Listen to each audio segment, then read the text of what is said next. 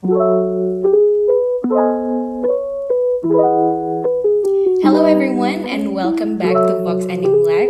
Masih tetap sama aku Talita sebagai your host in today's podcast. Nah, hari ini kita tetap bakal ngomongin seputar dunia hukum, tapi bakal beda nih dari season sebelumnya. Karena season sebelumnya kita ngomongin tentang introduction to law school. Hari ini kita bakal mulai season yang baru dengan topik yang baru juga, yaitu exploring career namanya kegiatan-kegiatan mahasiswa hukum gitu itu seperti apa? Sekarang kita apa namanya menjelajahi dunia yang profesional ya. Jadi di sini selama beberapa minggu ke depan kita akan nge-explore berbagai career path yang bisa dipilih sekiranya teman-teman udah lulus dari fakultas hukum di universitasnya masing-masing. Nah teman-teman semuanya hari ini kita punya bintang tamu yang spesial banget. Uh, apa namanya kakak ini adalah seorang uh, diplomat. I think lengkapnya itu kakaknya sekarang sedang menjabat di jabatan fungsional diplomat pertama pada Subdirektorat Afrika 1, Direktorat Afrika, Direktorat Jenderal Asia Pasifik dan Afrika, Kementerian Luar Negeri Republik Indonesia. Dan sebelumnya udah pernah juga nih menjadi tenaga ahli pratama di Dinas Pertanahan dan Tata Ruang uh, Daerah Istimewa Yogyakarta. Nah, Menariknya lagi, kakak ini juga pernah menjadi Director of Asian Law Students Association Local Chapter Universitas Gajah Mada di tahun 2014 sampai di, uh, sampai tahun 2015. Nah, tanpa berlama-lama lagi, please welcome our guest, Kak Muhammad Rizky. Kak, please introduce yourself. Halo Talita, uh, hai teman-teman pendengar Juris Prestige ya. Panggilannya apa sih? Iya, apa Juris Lovers ya? Juris Prestige Cut. Thank you banget Alright. udah mau datang hari ini. It's an, an honor juga for me. Uh, makasih udah dikasih kesempatan buat ngobrol-ngobrol. Uh, sharing-sharing yang bisa di-sharingin. Semoga ada yang bermanfaat nanti ya buat teman-teman semuanya ya. Amin, amin. Pasti bermanfaat kok. Amin. Ya tadi sebenarnya udah dikenalin ya. Tadi nama aku Rizky. Uh, aku saat ini memang uh, adalah PNS atau ASN lah. Aparatur sipil negara. Kalau di Indonesia kita PNS nih pegawai negeri sipil atau ASN di Kementerian Luar Negeri. Nah, uh, untuk jabatan itu adalah fungsional diplomat pertama. Uh, aku menangani saat ini itu kerjasama dengan Afrika atau Direktorat Afrika. Lebih spesifiknya lagi itu di Subdirektorat Afrika 1. Itu yang lebih menangani kawasan Afrika Barat dan Tengah. Ada sekitar 22 negara nih yang mana di bawah uh, tupoksinya aku nih. Kalau luar negeri hmm. baru mungkin muncul lah istilah-istilah diplomatnya lah nanti uh, rankingnya lah mulai dari atas, tersekretari, uh, counselor dan lain-lain. Nanti kita akan bicara nanti tuh pas sudah lebih mendetail dan menjurus lagi. Uh, aku benar tadi udah dibilang uh, aku udah jadi diplomat sejak udah jadi PNS sejak 2019. It's almost three years by now, right? I guess. Uh, sebelumnya memang juga pernah uh, tiga bulan di, di tenaga sebagai tenaga ahli dinas pertahanan tata ruang Jogja karena baru lulus Februari 2017 uh, then working di itu di Dinas Pertahanan Taruhan Jogja sebelum keterima di Kemlu pas awal 2018 jadi CPNS-nya setahun kemudian baru jadi PNS.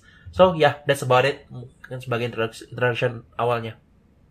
Oh oke, okay. berarti kakak kakak waktu lulus itu harus ini dulu ya sekolah diplomat dulu ya setahun sebelum benar-benar jadi diplomatnya. Jadi bukan kayak apa namanya masuk ke AS uh, masuk ke Kemenlu terus langsung jadi diplomat kerja gitu enggak ya kak?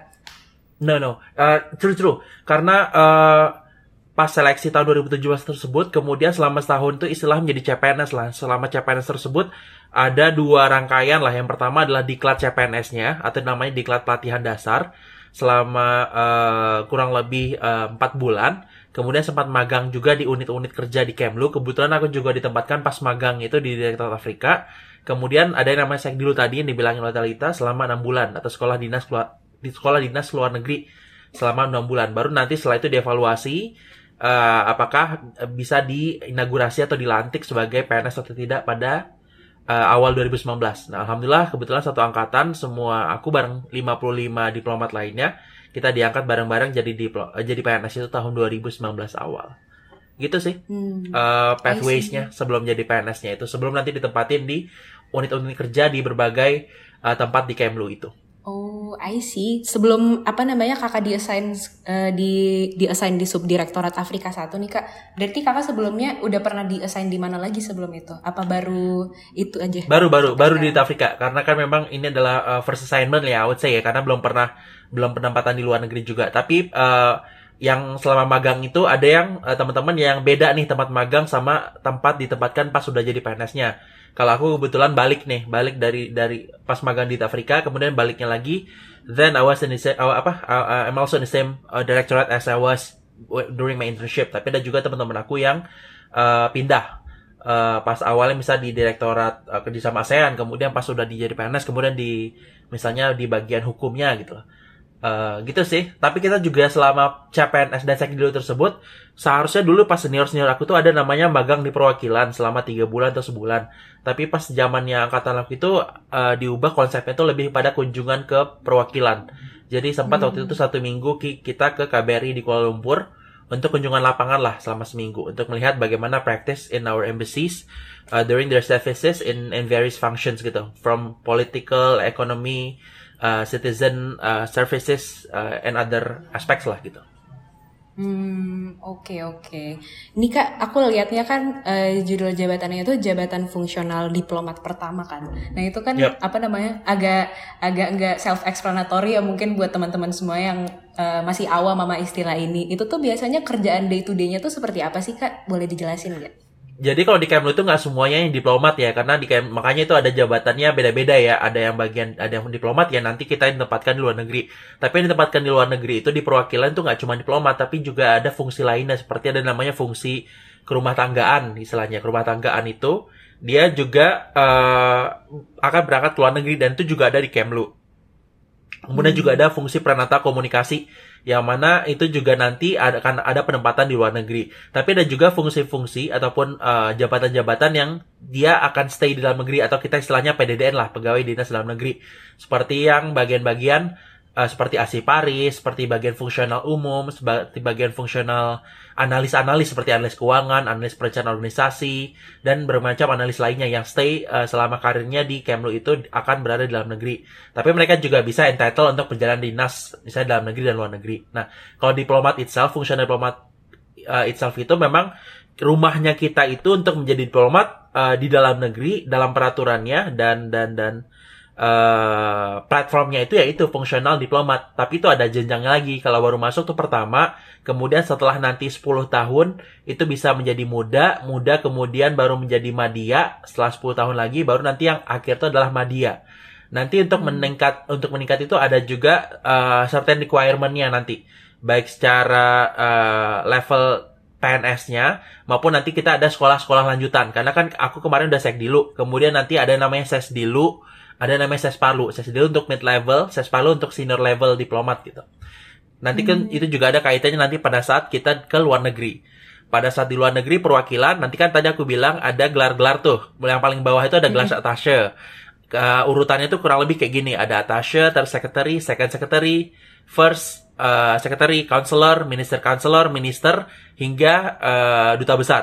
Tapi kalau yang untuk karir itu paling tinggi minister karena untuk duta besar atau ambassador itu adalah jabatan politis yang mana itu ditunjuk oleh presiden.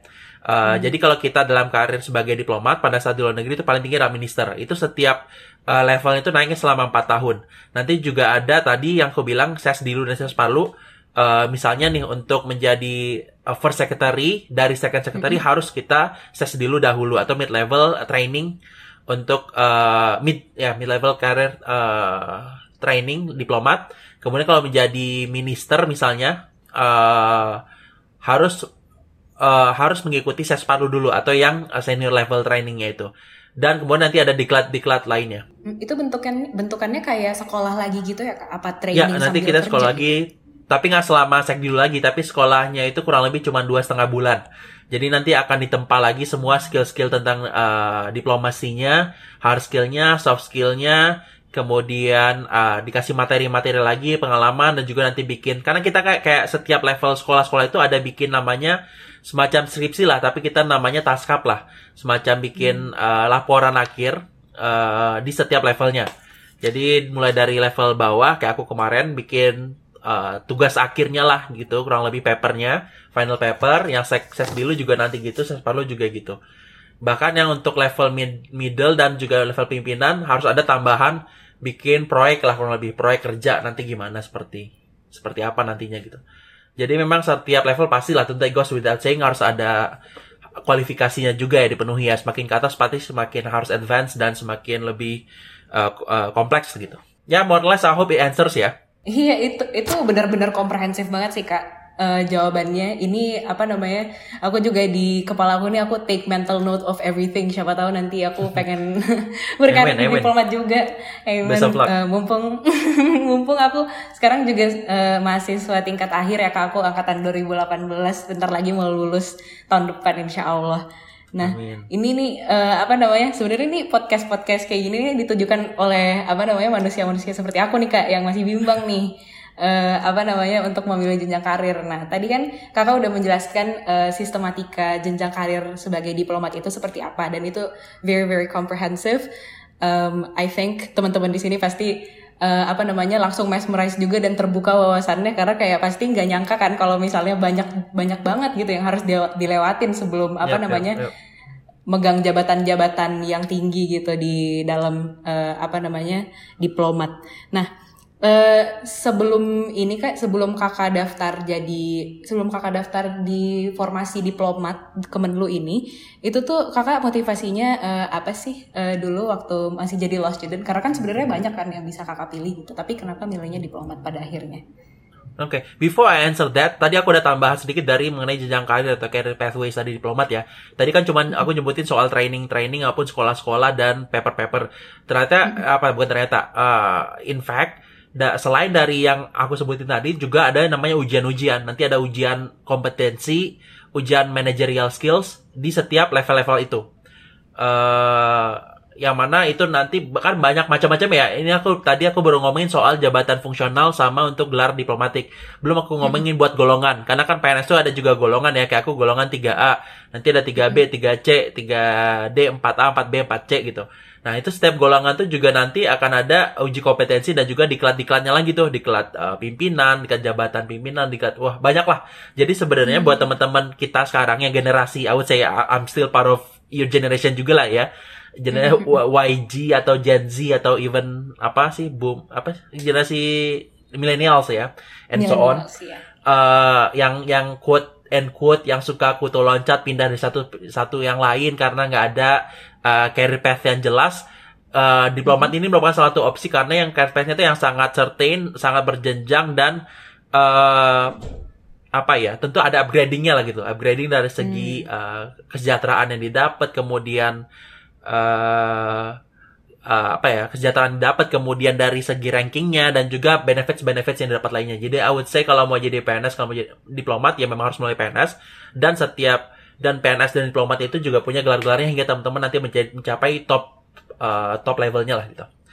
Hmm. Then I will answer the question untuk menjadi untuk mengenai motif itu I would say it goes it went back uh, far before when I was uh, a law school student in uh, Gajah Mada. So it bounced back 2010 I would say as I would say that was the pivotal point of my life. At the time I was selected as one of what so-called young ambassador uh, because I was selected as one of the uh, one of the ex- uh, exchange students to the US for one for one year. It was in uh, 2010 2011. Mm-hmm. Uh, why I why I say that it was a pivotal point because uh, beforehand I had an intention or I had a dream to be a doctor. I don't know whether mm-hmm. it's come it came up from my mind or it, it, it had, there is an influence from my parents, but uh, what I knew that US experiences have shift, shifted my paradigm of becoming a doctor to become uh, the future ambassador of Indonesia. And here it goes. Once I came back to Indonesia in uh, in 2011, I was thinking what are are the relevant measures that is more suitable in order to pursue such career. Uh, because that time I was only thinking HI was the only option. But then senior of mine, senior di di kuliah di sekolah, gave me mm-hmm. I would say a, a very uh, straightforward advices that even though dia itu ngambil HI, but he said to mm-hmm. me that uh, I think it's better for you to take uh, law as your major rather than HI. Then you, you can have international law as your special specialization in uh, in in your uh, fifth or sixth semester. Uh, Padahal dia orang HI tuh, tapi dia ngasih sarannya tuh hukum dan sangat spesifik HI, uh, hukum internasional. Why he said so? Uh, dia pikir ya kita juga belajar mengenai aspek dari HI itu di hukum internasional. Justru kita mempunyai legal apa special skills that we possess comparing to other students, especially from those in international relation. Bukannya mendisregard teman-teman dari HI ya, tapi palingnya kita punya spesialisasi di bidang hukum dan itu sangat membentuk uh, our character and also our compre apa ya comprehension ya pemahaman dan juga mm -hmm. pengetahuan kita. Karena kita punya legal basis uh, dan juga legal skill analytical and so on and whatever you name it. Dan long story mm. short waktu itu aku apply waktu itu jujur maunya di di UI tapi keterimanya di UGM meskipun juga keterima simak di komunikasi tapi then I made my option. Akhirnya pilih di UGM aja. Padahal sebenarnya tuh honest aku juga udah siapin di Jepang kalau nggak salah di HI karena aku waktu itu kan aku anak IPA nih karena berubah cepet yang waktu pas pertukaran itu. Aku nggak yakin bisa lolos SMPTN gitu loh. Karena harus SMPTN tulis ya ujian. Tapi ya udahlah uh, akhirnya aku ambil uh, uh, apa coba juga iseng-iseng untuk ngambil yang di Jepang di APU, di Sumekan Asia Pacific University International Relation. Tapi juga pas SMPTN alhamdulillah keterima di UGM juga. Akhirnya aku pilih di UGM ya. Uh, then it began, it began uh, the story uh, when I was accepted in UGM in 2012. Kemudian when I knew that uh, udah at the very first sec, first step in UGM itu, karena aku udah tahu mengambil HI, jadi dari awal tuh aku udah langsung menyusun target nih, target apa aja yang mau dicapai dalam setiap semester. Kemudian di akhir semester aku harus evaluasi apa aja udah tercapai, mana yang belum, apa lesson learned, apa feedback yang bisa dicapai, apa yang dicapai tapi bukan yang exactly the same yang kita tulis, tapi ada mungkin penggantinya replacement yang I would say it's much better or uh, yang yang dikasih yang penggantinya yang sama atau gimana pun. Uh, selalu evaluasi itu. Kemudian dari yang setiap semester, then I made a timetable. Jadi aku tuh bikin di kalender, tuh bikin activities aku setiap hari apa. Uh, dari sana aku mempunyai guidance yang sangat kuat. Jadi make every second counts lah. Jadi I wouldn't waste any second karena aku berpikir aku jauh juga dari rantau ke orang Padang tapi kuliah di Jogja. Jadi I know that I have such a such a responsibility to my parents as well karena dia yang membiayai segala macam. Uh, kemudian juga selain di kelas, I I I knew that uh, it's not enough uh, kalau cuma datang ke kelas, kuliah pulang, kuliah pulang, that's it. Hmm, Then regretting for the things that you haven't done during your undergraduate. Tapi aku juga uh, involving myself in lots of activities, ranging from organization. You name ALSA before.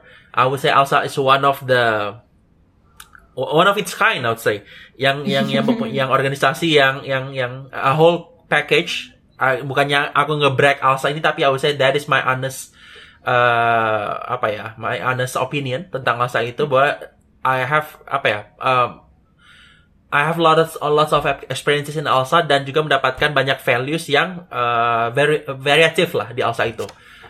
Uh, kemudian research and publication, aku juga berusaha untuk bisa excelling my skills dalam menulis, riset, kemudian public speaking dengan coba-coba bikin jurnal, kemudian presentasi di konferensi internasional di saat yang lain tuh kebanyakan dosen-dosen yang udah S2 ataupun S3, sementara aku mungkin yang menongol satu doang di sana.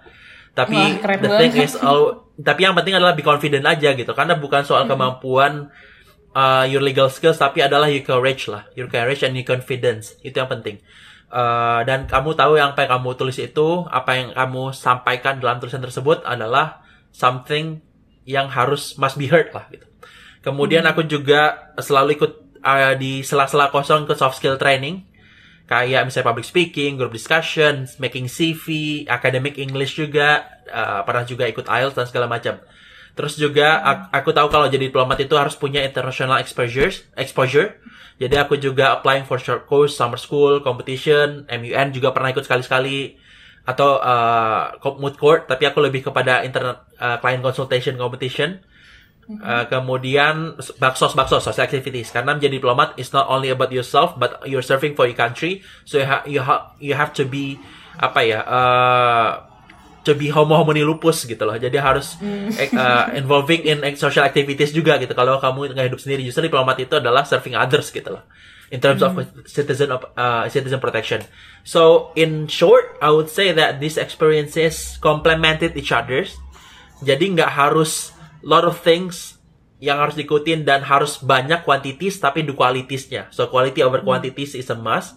Kemudian uh, soft skill over hard skill. Bukannya dalam arti soft skill tuh banyak bacot doang ngomong tapi nggak tahu hard skill. Iya, iya. Tapi banyakinlah variasi dari soft skill tersebut dengan hard skill yang nggak punya excel di satu issues.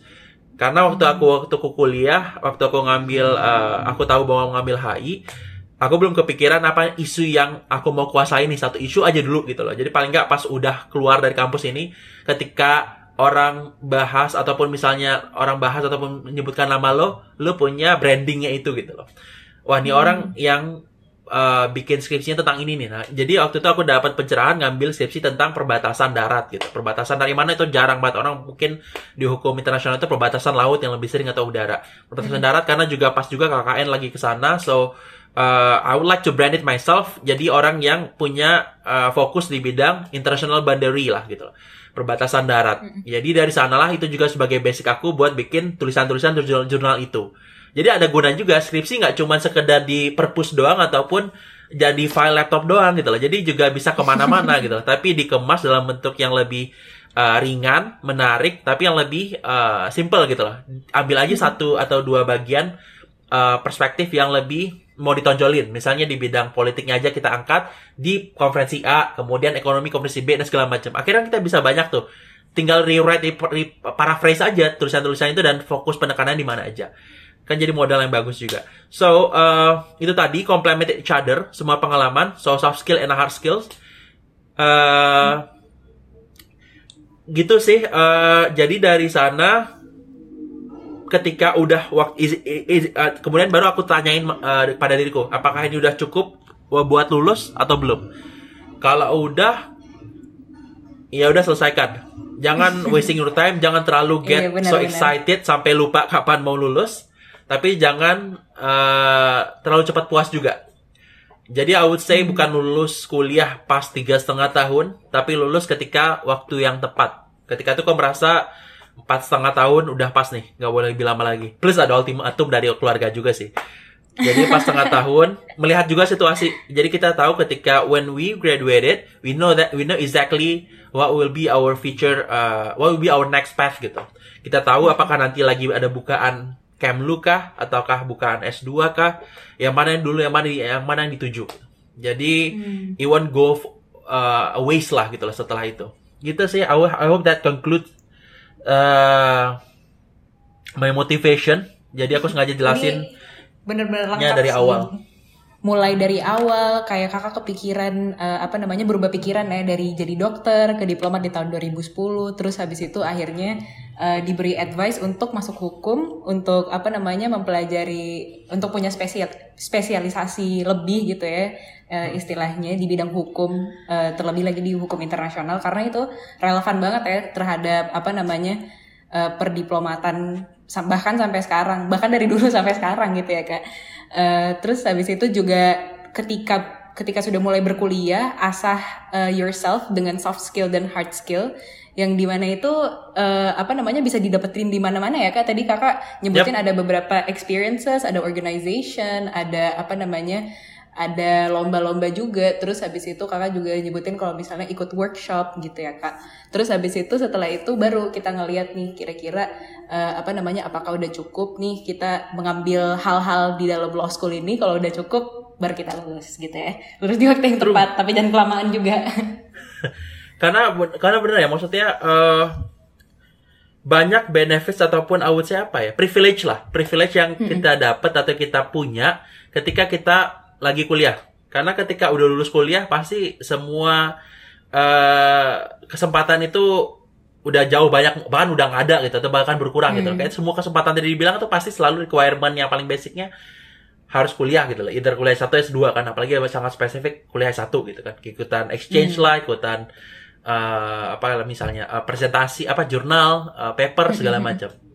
Ataupun riset ataupun dan segala macam itu. Jadi eh, gunakanlah privilege itu sebaik mungkin ketika holding such position ya menjadi mahasiswa Nah, itu. iya, iya. Makanya aku juga berusaha untuk benar-benar make use of it till it's last gitu loh sampai benar-benar uh, wisuda gitu loh untuk dapat uh, memanfaatkannya gitu loh for the greater good. Mungkin yang paling yang paling menarik dari poin kakak tadi itu juga ini sih apa namanya memakai suatu topik sebagai spesialisasi kita gitu. Jadi kayak kita punya self branding. Kalau misalnya kita tuh adalah master di topik itu. Terus habis itu nanti dari topik itu kalau misalnya sudah di uh, jenjang profesional itu masih bisa dipakai-pakai lagi gitu, dipecah-pecah atau bahkan kalau misalnya apa namanya pun itu uh, apa namanya nggak nggak nggak dipakai di jurnal mungkin di jurnal-jurnal yang besar bisa dipecah jadi artikel yang kecil-kecil gitu ya kak. Yap, yap.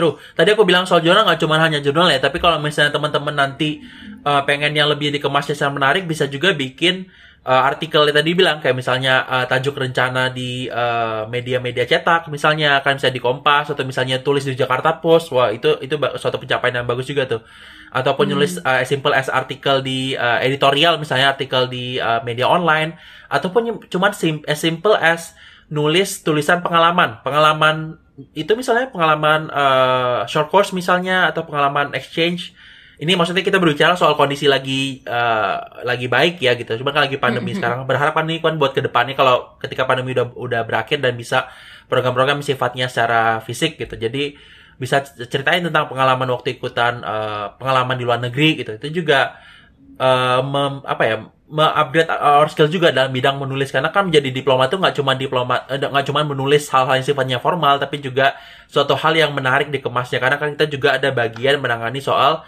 uh, diplomasi publik ya nah itu juga beda hmm. tuh packagingnya seperti apa uh, termasuk packaging ke atasan, pimpinan, ke counterpart negara mitra maupun kepada media publik. Jadi dari sanalah itu semua banyak sumber-sumbernya buat menambah skill kita itu. Jadi hmm. itu sih uh, pengalaman-pengalamannya sih uh, mengenai itu tadi satu topik nggak harus benar-benar master tapi paling nggak kita punya satu isu yang benar kita senengin lah gitu loh. Jadi kalau hmm, kalau fokusin master yang terlalu berat bahasanya yang kita senengin aja dulu. Bahkan waktu itu saking aku senengnya sama itu bikin skripsinya sampai 200 halaman apa ya hampir sampai 200 halaman. Wah, banyak banget ya kayak dua kali lipat dari biasanya. Padahal itu cuma ngurusin satu desa itu loh. Maksudnya ada hmm. pasti mungkin ada teman-teman yang lain tuh yang ngurusin satu kawasan cuma 70 halaman gitu. Tapi satu desa doang 200. Karena kebetulan ngelihat langsung di lapangan. Jadi benar ya udah semuanya diceritain. Akhirnya skripsi itu lebih banyak kecurhat dibandingin uh, ngomongin hal-hal yang berat soal aspek-aspek hukumnya gitu loh. Tapi melihat fenomena sosial. Jadi mungkin saran juga hmm. buat teman-teman nanti yang mungkin lagi bikin skripsi juga buat law school student. Lebih baik kalau memang misalnya kita merasakan langsung gitu loh. Jadi kita punya uh, kedekatannya secara ya kedekatan pasti ya. Tapi kita juga hmm. punya real feel dan juga pasti beda lah sentuhan-sentuhan hmm. dalam menulis skripsinya itu dibanding kita yang sifatnya normatif gitu loh. Jadi hmm. kalau memang ada kesempatan, so I would say go for uh, apa sih yang satu lagi selain normatif tuh penelitian yang sifatnya itu uh, ke lapangan gitu. Uh, iya, benar-benar. Iya sih kayak jarang sih apa namanya orang-orang tuh uh, nulis uh, nulis skripsi yang emang mereka tuh merasakan sendiri gitu. Biasanya cuman uh, teori aja. Nah, tadi ada tuh sesuatu yang apa namanya yang menarik juga yang Kakak uh, sebut tadi. Ini berhubungan sama pertanyaan aku yang ketiga nih uh, apa namanya menjadi diplomat itu bukan cuma nulis sesuatu yang formal-formal, tapi juga menulis sesuatu yang di package secara ringan gitu. Nah, uh, ini kan biasanya kalau kita kalau kita dengar kata diplomat nih, kita tuh pasti mikirnya kayak oh uh, sidang PBB gitu kan. Jadi kak kira-kira ada kayak kayak miskonsepsi miskonsepsi nih tentang menjadi diplomat yang seharusnya uh, apa namanya yang sebenarnya tuh nggak nggak semua pekerjaannya tuh kayak gitu gitu atau kayak apakah ada sesuatu yang uh, dikerjakan oleh diplomat itu yang kira-kira bakal bikin teman-teman uh, di sini mikir kayak oh itu toh kerjanya diplomat boleh diceritain nggak kak? Jadi uh, mungkin yang seperti ada juga mungkin teman-teman di sini yang udah selalu pantengin ya pantengin di makanya kita lebih sering uh, apa ya uh, update dan juga deket sama publik dengan lebih banyak media-media sosial kita tuh dulu kan mungkin nggak seintens sekarang ya. Sekarang kita udah banyak tuh ada Twitter, ada website, ada IG, ada YouTube bahkan. Bahkan di hmm. YouTube itu juga ada series mengenai diplomat itu ngapain aja uh, bidang-bidangnya dan segala macam. Mungkin bisa dilihat nanti di YouTube-nya Kemlu. Jadi uh, itu tergantung dari bidang-bidang yang dihandle-nya itu apa. Kalau kita berbicara soal Kemlu ya di dalam di pusat ya, diplomat itu ada yang kerjasama di bidang multilateral. Itu tadi memang benar yang dibilangin uh, soal mengikuti sidang-sidang, misalnya baik sidang PBB ataupun sidang international organization lainnya. Uh, itu pasti harus wearing suit and tie kan.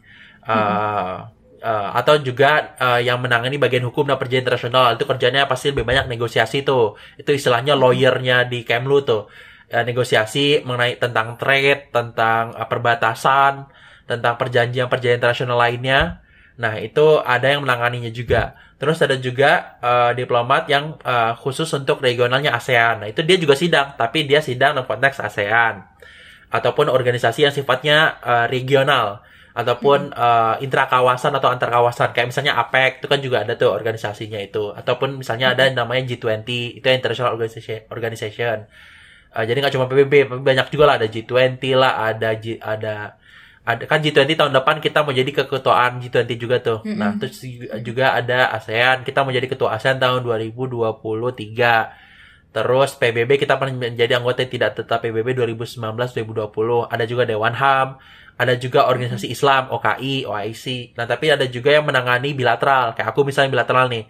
Itu lebih kepada kerjasama Indonesia secara bilateral dengan negara-negara di kawasan. Ada kawasan Asia Timur Asia Pasifik ada yang Asia Tenggara Asia Selatan Tengah Afrika kayak aku Timur Tengah di Asia Selatan. Ada juga yang Amerika Eropa. Eropa dibagi lagi tuh Barat Timur Utara. Amerika dibagi tuh Amerika Utara Amerika Selatan. Nah ada juga yang menangani soalnya day to day uh, berhadapan dengan publik nih, misalnya dari media, ada juga informasi media kayak pers, real, pre, pers, kemudian juga uh, yang setiap minggu ada press briefing, kemudian bahan-bahan terhadap publik, kayak diplomasi publik tadi aku bilang yang mengamasnya lebih menarik, misalnya tentang diplomasi, tentang gastrodiplomasi, tentang makanan, misalnya hmm. diplomasi mengenai batik, yang publik-publik diplomasi lah, me, me, misalnya apa ya, membumikan diplomasi ke uh, masyarakat Indonesia. Nah itu ada tugas-tugasnya di bagian Direktorat Diplomasi uh, Publik ataupun Direktorat Jenderal Informasi dan Diplomasi Publik. Ada juga yang tugasnya itu berkaitan dengan protokol-protokolan. Misalnya dampingin Menlu, dampingin Presiden, ada tamu asing VVIP, VIP itu ada bagian protokol. Ada juga yang tanganinya ngurusin soal visa. Karena kan visa nggak cuman yang dikeluarin oleh imigrasi, tapi juga dikeluarin oleh Kemlu, terutama yang punya paspor diplomatik dan dinas. Nah, dia menghandle tuh visa ini bisa dikasih, visa itu uh, visa si A, visa si B misalnya. Ataupun juga ada yang bagian menangani soal orang-orang asing yang ada di Indonesia. Itu ada bagiannya juga tuh di Direktur Konsuler. Ataupun diplomat-diplomat yang ada di Indonesia, termasuk fasilitas-fasilitasnya. Kayak misalkan kita sebagai diplomat, kita dibilang kalau di luar negeri punya privilege and immunities kan. Nah, mm -mm. itu saya dibebaskan dari pajak dan segala macam. Nah, itu ada direktorat yang menanganinya. Misalnya dia bebaskan dari pajak, uh, itu nanti bisa diklaim, di reimburse ke ada direktoratnya namanya fasilitas diplomatik. Ada juga soal misalnya keamanan diplomatik kita, atau ada juga direktorat keamanan diplomatik. Keamanan diplomat hmm. misalnya gitu. Misalnya dalam hal kan anytime bisa terjadi ya dari di negara-negara rawan dan berbahaya. Terus ada juga diplomat yang ngurus dinamis ya. Iya, iya. Ada juga yang hal as simple as ngurusinnya tentang organisasi Kemlu itu sendiri. Jadi dia ngurusin oh, tentang iya. perencanaan organisasi, anggarannya Kemlu gimana, perencanaan Kemlu mau ngapain aja, programnya apa aja, uh, keuangannya hmm. gimana. Ada juga yang bagian hukumnya bikin MOU, MOU atau peraturan Permenlu, Permenlu. Uh, menjadi lawyernya bagi kasus-kasus juga bagi uh, WNI WNI luar negeri juga ada tuh bagian perlindungan warga negara Indonesia. Jadi banyak macam itu yang baru di Kemlu di pusat. Kalau di luar negeri kayak, itu ini ya ada kayak kalau di Alsa tuh ada internal affairs-nya gitu ya. Mm -mm. Internal I would say bukan internal esim apa ya uh, internal gitu ya, tapi maksudnya bagian uh, dailynya Kemlu ibaratnya bagian apa ya? Uh, sekretariat jenderal lah gitu loh, bagian sehari-harinya. Oh, iya, iya, iya. Ada bagian perencanaan, bagian anggaran, bagian keuangan segala macam. Ada yang rumahnya lah buat perencanaan dan rencana Kemlu ke depan. Hmm. Ada juga yang lebih sifatnya konteksnya itu tadi ku bilang. Kalau di hmm. perwakilan itu lebih kepada dibagi-bagian atau per fungsi. Ada yang bagian politik, bagian sosial budaya, bagian ekonomi, bagian pelindungan warga negara Indonesia. Kemudian ada juga yang ditempatkan di uh, namanya PTRI misalnya PTRI di New York hmm. perutusan tetap yang uh, terakreditasinya tuh untuk PBB atau misalnya organisasi internasional lainnya. Nah, itu memang lebih banyak hmm. fokusnya itu buat uh, sidang-sidang yang ada di uh, organisasi tersebut. Hmm. Jadi sangat beragam ya. Jadi nggak cuma diplomat itu yang ikut MUN doang ataupun juga bikin-bikin bahan yang sifatnya formal berbicara depan umum press briefing tapi juga ada harus dikemas secara menarik kayak melalui di media sosial kita kan pendekatannya juga lebih uh, lebih ringan ya dikemasnya itu agar lebih membumikan diplomat itu ngapain aja gitu loh. Karena kan yang kita tahu kan memang selalu isu Papua di luar negeri di PBB baru ada diplomat yang muncul. Atau misalnya diplomat kemarin yang uh, kasus Afghanistan yang Taliban perlindungan warga negara Indonesia atau yang tahun lalu pas uh, COVID COVID pertama di Cina kita kemudian melakukan uh, repatriasi WNI yang ada di sana gitu. Ataupun banyak perompak-perompak yang uh, apa namanya uh, disandra nih WNI WNI Indonesia gitu. Nah itu lebih banyak di luar itu yang di portray itu adalah citizen protection. Padahal nggak cuma itu aja, hmm. banyak juga yang di sidang-sidang dalam konteks uh, sidang internasional kita berhasil menggolkan tujuan yang pro terhadap national interest misalnya, hmm. atau juga dalam konteks kita buat menguntungkan uh, dari segi bidang ekonomi. Misalnya kita berhasil untuk membuat perusahaan kita untuk go global. Kita dorong hmm. misalnya perusahaan kita bisa jual pesawat, jual uh, kapal, jual kereta atau misalnya uh, UMKM kita jual batik ke mana-mana, jual tekstil ataupun bikin investasi di sana, itu juga kerjaan diplomat. Nah, itu lebih kepada kita, hmm. aku masuk aku di Afrika, fokus kita itu diplomasi ekonomi, bagaimana kita mempromosikan dan penetrasi pasar untuk produk-produk Indonesia. Mulai dari tadi aku bilang yang industri-industri strategis yang pesawat segala macam, termasuk juga uh, BUMN-BUMN kita di bidang infrastruktur, kayak misalnya bangun rumah, bangun istana presiden tuh ada tuh di Afrika dibangun oleh BUMN hmm. kita tuh Wika. Nah itu ataupun hmm. misalnya uh, Indonesia bikin perusahaan di sana kayak Indomie tuh Indomie di Afrika kan di Nigeria ada tuh rame kan bukan rame ya maksudnya hmm. udah bikin pabrik di sana disangka tuh Indomie tuh dari Nigeria padahal kan dari kita tuh ataupun di mie sedap. Mie sedap tuh saingannya si Indomie juga udah ada tuh di Madagaskar. Kalau di Afrika bagian barat tuh Indomie tim Indomie. Kalau Afrika Timur tim mie sedap. Jadi hmm. mereka berantem tuh ketemu di tengahnya nggak tahu tuh.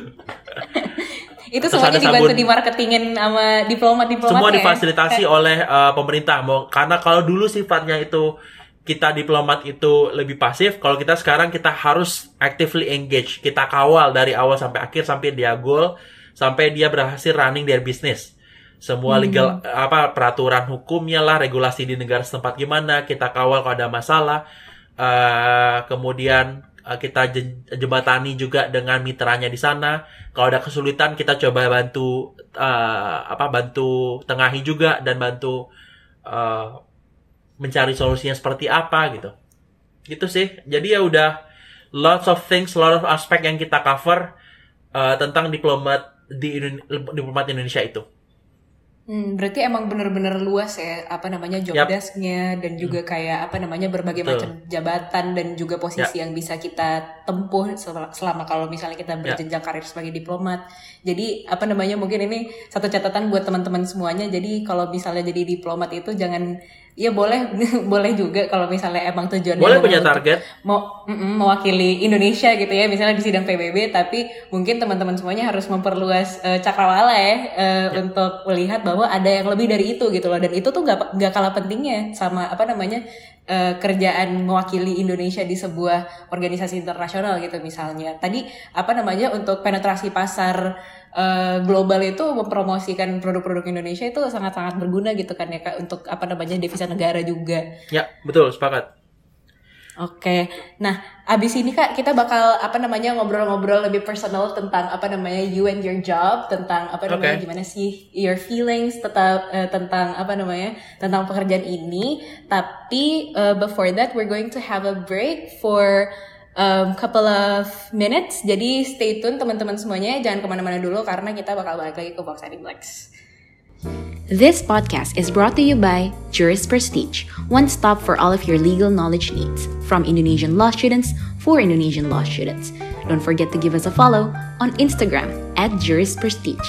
Or if you're interested in becoming a volunteer, send us your inquiry through jurisprestige.id at gmail.com. Halo teman-teman semua, kembali lagi bersama aku masih tetap uh, sama aku Talita di Box Blacks and we still have KPP here to talk about his job about being a diplomat. Nah, selanjutnya tadi tadi aku promise teman-teman semuanya kalau misalnya kita bakal ngobrolin uh, apa namanya uh, a little bit uh, the personal side of being a diplomat.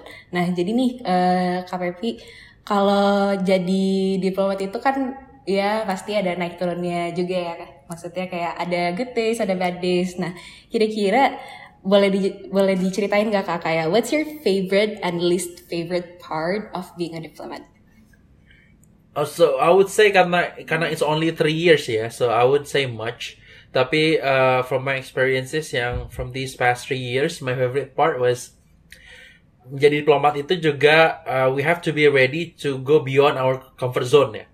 Uh, again, uh, I said earlier that uh, my expertise dan juga my focus and my apa ya, something that I want to focus at uh, when I become diplomat adalah di bidang international boundary ya tentang perbatasan darat ya. Karena itu ada bagiannya juga di bagian perbatasan darat. But then things start change. Yang mana aku lebih menangani isu tentang kerjasama dengan Afrika. Completely 180 degrees yang berbeda. It's mm -hmm. not hukum at all. It's not lawyer at all. Gak ada hukum sama sekali. It's even uh, ekonomi yang lebih diutamakan. Jadi benar-benar uh, uh, uh, harus di dicemplungin dan harus starting from zero. Nah, that's the unique thing of being a diplomat ya, karena kita harus uh, nggak uh, boleh uh, berhenti di zona nyaman, tapi kita harus selalu be ready for the new challenges dan juga harus cepat uh, adjustnya dengan uh, adjustnya itu dalam artian adaptability-nya itu dalam artian nggak cuma isusnya tapi juga tempatnya, orang-orangnya dan segala macam all all aspects-nya. Nah, termasuk isunya ini. Jadi yang menarik tentang favorite part, I did not ever think that I had a chance to step my foot uh, in the land of King Julian di Madagaskar or uh, or uh, uh, di negara-negara Afrika lah yang yang yang cuma dulu aku tahu itu dari film National Geographic lah atau cuma dari pemain bolanya hmm. lah uh, ataupun film-film but I made it gitu lah. I, I, I even though it was so long ya, it took so long ya to go there. Nggak uh, direct flight, mm. nggak ada direct flight, pasti transit yang it took at least 20 hours minimum. Ya cukup buat pantat kamu itu tipis ya. Buat ke sana harus transit dan and sort of uh, uh, jet lagnya dan segala macam. Tapi that was my favorite part karena exploring Afrika, Afrika nggak cuma nih sekedar orang tonton di TV yang semua serba susah, tapi nggak yeah, ataupun yeah. negara yang banyak gurunnya doang ataupun orang-orang yang terbelakang yang yang yang yang kulitnya mohon maaf ya kulitnya hitam Afrika tuh sangat various mm. ya uh, karena ngomongin mm. Afrika kita ngomongin bukan negara tapi benua itu ada 54 negara di dalamnya dari aku udah mm. pernah dari barat ke timur itu beda banget mulai dari tipikalnya bahasanya uh, sukunya rasnya. Bahasa tuh nggak ada bahasa mm. satu Afrika. Pasti dia tuh punya bahasa lokalnya dan juga bahasa sehari-hari. Ada yang negara anglophone bahasa Inggris ada yang francophone ada yang bahasa Portugis ada yang bahasa Spanyol hmm. ada juga yang bahasanya Afrika bahasa Swahili dan segala macam. Mulai dari bentang alamnya itu nggak semuanya juga di gurun ada yang ada yang pinggir pantai yang pantainya masih biru ada nama negara namanya Mauritius tuh kayak Maladewa lah meskipun belum pernah ke Maladewa ya hmm. yang semua tuh serba pa, uh, pasir yang putih pantai biru apa yang airnya biru laut segala macam yang udah kayak bagus banget lah kayak kayak di Maldives aku bilang sampai juga hmm. yang semua itu serba hijau bersih uh, kotanya tuh kayak uh, kayak Malang lah Malang yang adem-adem itu ada di Afrika tuh di hmm. Rwanda ada juga uh, negara yang uh, pinggir samudra yang di atas tebing yang bagus banget itu ada di Senegal di barat. Jadi dari hmm. pengalaman dari itu kan nggak cuman karena kan itu nggak cuman kerja dinas ya, tapi masih ada juga ada free time free time-nya juga disempat-sempetin lah buat uh, paling nggak as simple as makan siang ataupun juga nyantai sore pasti kita nyari tempat-tempat yang nggak lebih relaxing ourselves lah itu bagi aku juga udah sebagai apa ya sebagai yoga juga lah ya buat kecapeannya hmm. itu bisa melihat suasana yang hijau-hijau dan segala macam itu adalah my favorite part buat ke Afrika jadi terakhir aku ke Afrika itu bulan Maret tahun lalu habis covid jadi I would love to explore more kalau dikasih kesempatan atau maybe maybe later kalau ketika udah uh, in my in my next uh, decades lah di karirnya itu. Hmm. Ini up tapi ya yeah, what comes uh, around dari uh, favorite partnya itu pasti selalu juga ada yang kurang enak ya. Tapi I would say it's not least fa least favorite, tapi I would say it's just uh, so tiring juga karena itu panjang. -hmm. Tapi it's part of the job. Waktunya apa? Hmm. Waktu -hmm. penerbangan yang lama, persiapannya yang butuh waktu ekstra juga buat kunjungan karena kan kunjungan nggak cuma sekedar satu hari besok berangkat kan tapi persiapan yang Iya, matang apalagi kalau udah levelnya tuh tingkat high level dalam setahun itu alhamdulillah pernah dalam satu bulan harus menyiapkan dua kunjungan menteri ke Afrika ke dua negara yang ada yang satu kunjungan menteri dua negara ada satu menteri kunjungan tiga negara. Alhamdulillah waktu itu pernah dampingin menteri luar negeri menteri BUMN eh, Pak Luhut Menko Marves pernah komisi, komisi satu DPR itu juga favorit part I would say karena bisa ketemu dan bisa dampingi secara langsung eh, deket lah gitu loh sama menteri-menteri. Tapi juga list favoritnya adalah ya capeknya itu karena persiapan itu at least butuh satu bulan lah. Kalau main lu lebih lebih lebih berat lagi itu harus satu bulan persiapan mulai dari bahan-bahan pertemuannya speechnya kemudian eh, eh, tetek bengeknya lah dari visanya lah protokolnya gimana kemudian eh, tiket pesawatnya agenda tentatifnya segala macam. Termasuk eh, masalah bagasinya nanti gimana masalah eh, peraturan di sana bayar visa atau enggak termasuk pendamping pendampingnya karena kan kita kadang kita juga ajak BUMN BUMN swasta regulasi paspor biasa gimana diplomatik gimana. Termasuk juga kita perlu vaksin juga buat ke Afrika ada namanya vaksin meningitis ada vaksin uh, yellow fever. Uh, terus juga semua hal ya. Itu yang semua harus dikerjain diplomat juga gitu loh. Jadi diplomat nggak cuma sekedar kita mendampingi protokol pas kita ke sana enak-enak tapi juga substansi pertemuannya isu apa yang mau dicapai. Pas dia ke sana nanti kira-kira ada istilahnya deliverables lah kita mengistilahkan. Ada capaian apa yang bisa dicapai pada sedia kunjungan. Bisa ada tanda tangan sesuatu nggak? Uh, perjanjian atau kesepakatan ataupun apa pun itu. Dan kita juga harus ngurusin itu. Mengkoordinasikan juga sama BUMN eh, dengan perusahaan terkait terus juga dengan KBRI kita yang ada di sana mempersiapkannya hand in hand semua uh, 24/7 close coordinationnya juga back and forth dimarahin cuma dari atasan.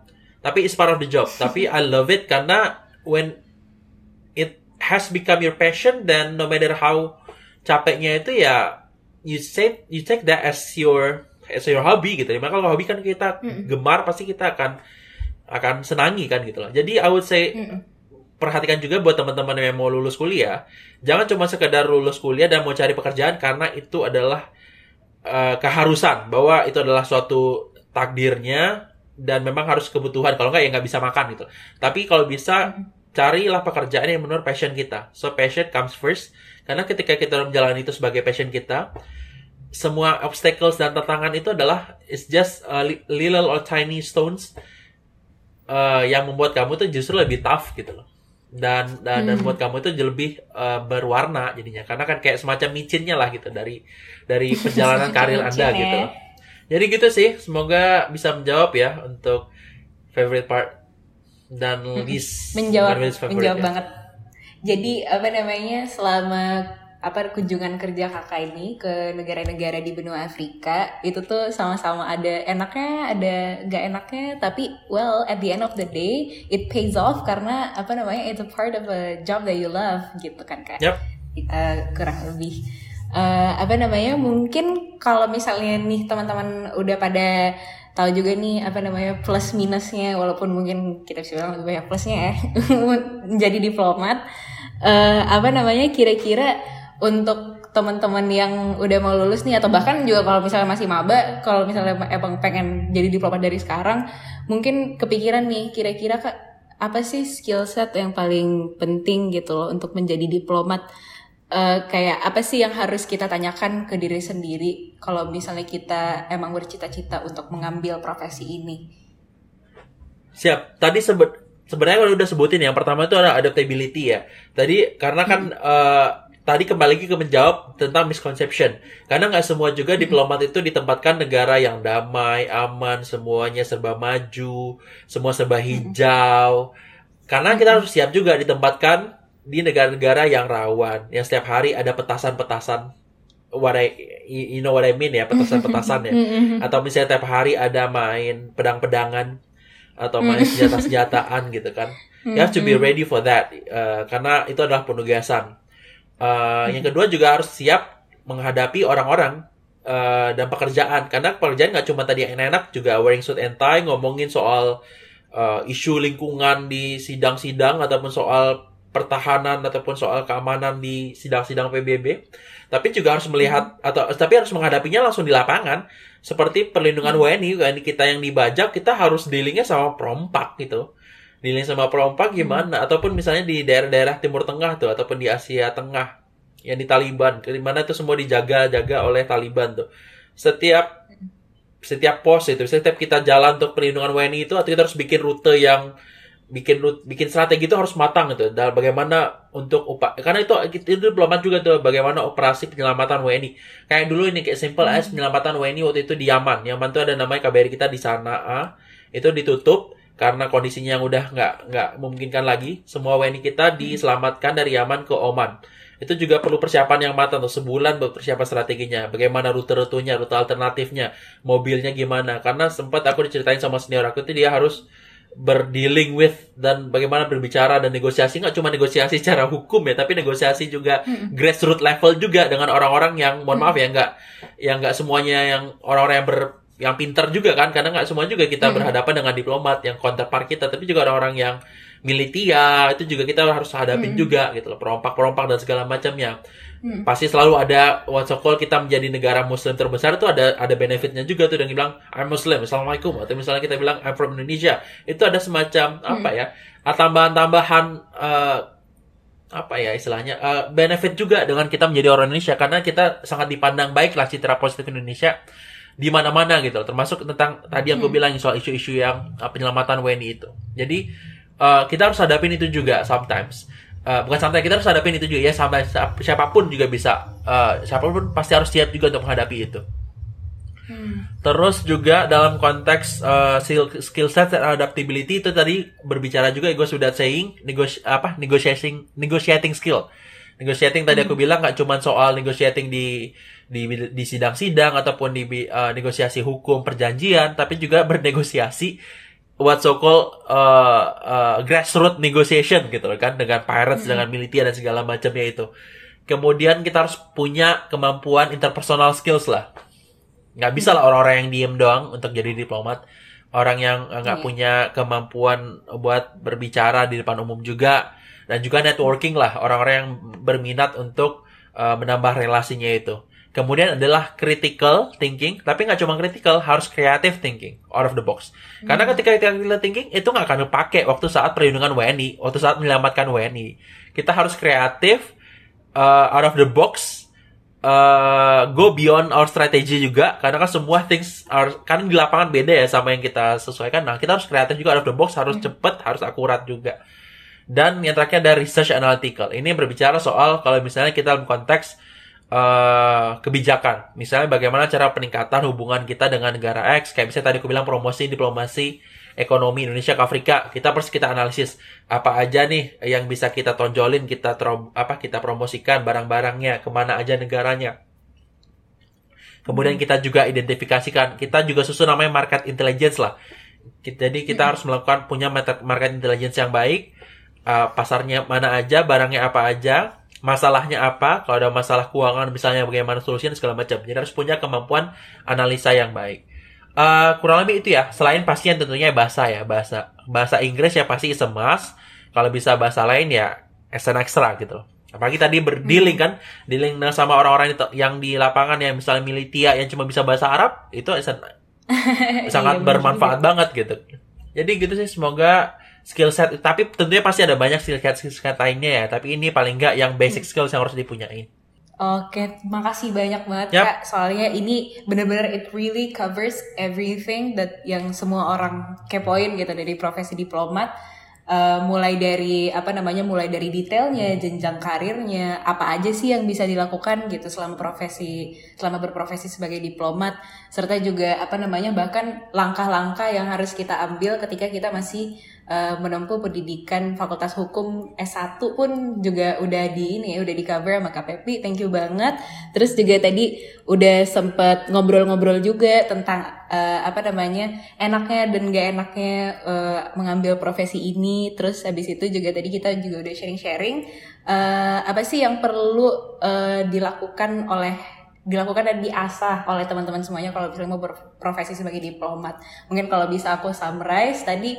uh, kita tuh perlu menjadi adaptif, perlu juga interpersonal skill, per perlu negotiation skill, perlu juga uh, apa namanya creative uh, creative thinking. Bahkan bukan cuma uh, critical thinking ya harus creative thinking juga. Karena permasalahan itu uh, secara teori dan secara di lapangan tuh beda. Terus habis itu juga perlu uh, market analysis yang baik. Karena kita juga uh, apa namanya di sini pekerjaannya bukan cuma apa namanya secara pasif menjadi diplomat tapi juga secara aktif ingin mendorong dan ngemarketingin Indonesia gitu ya kak quote unquote.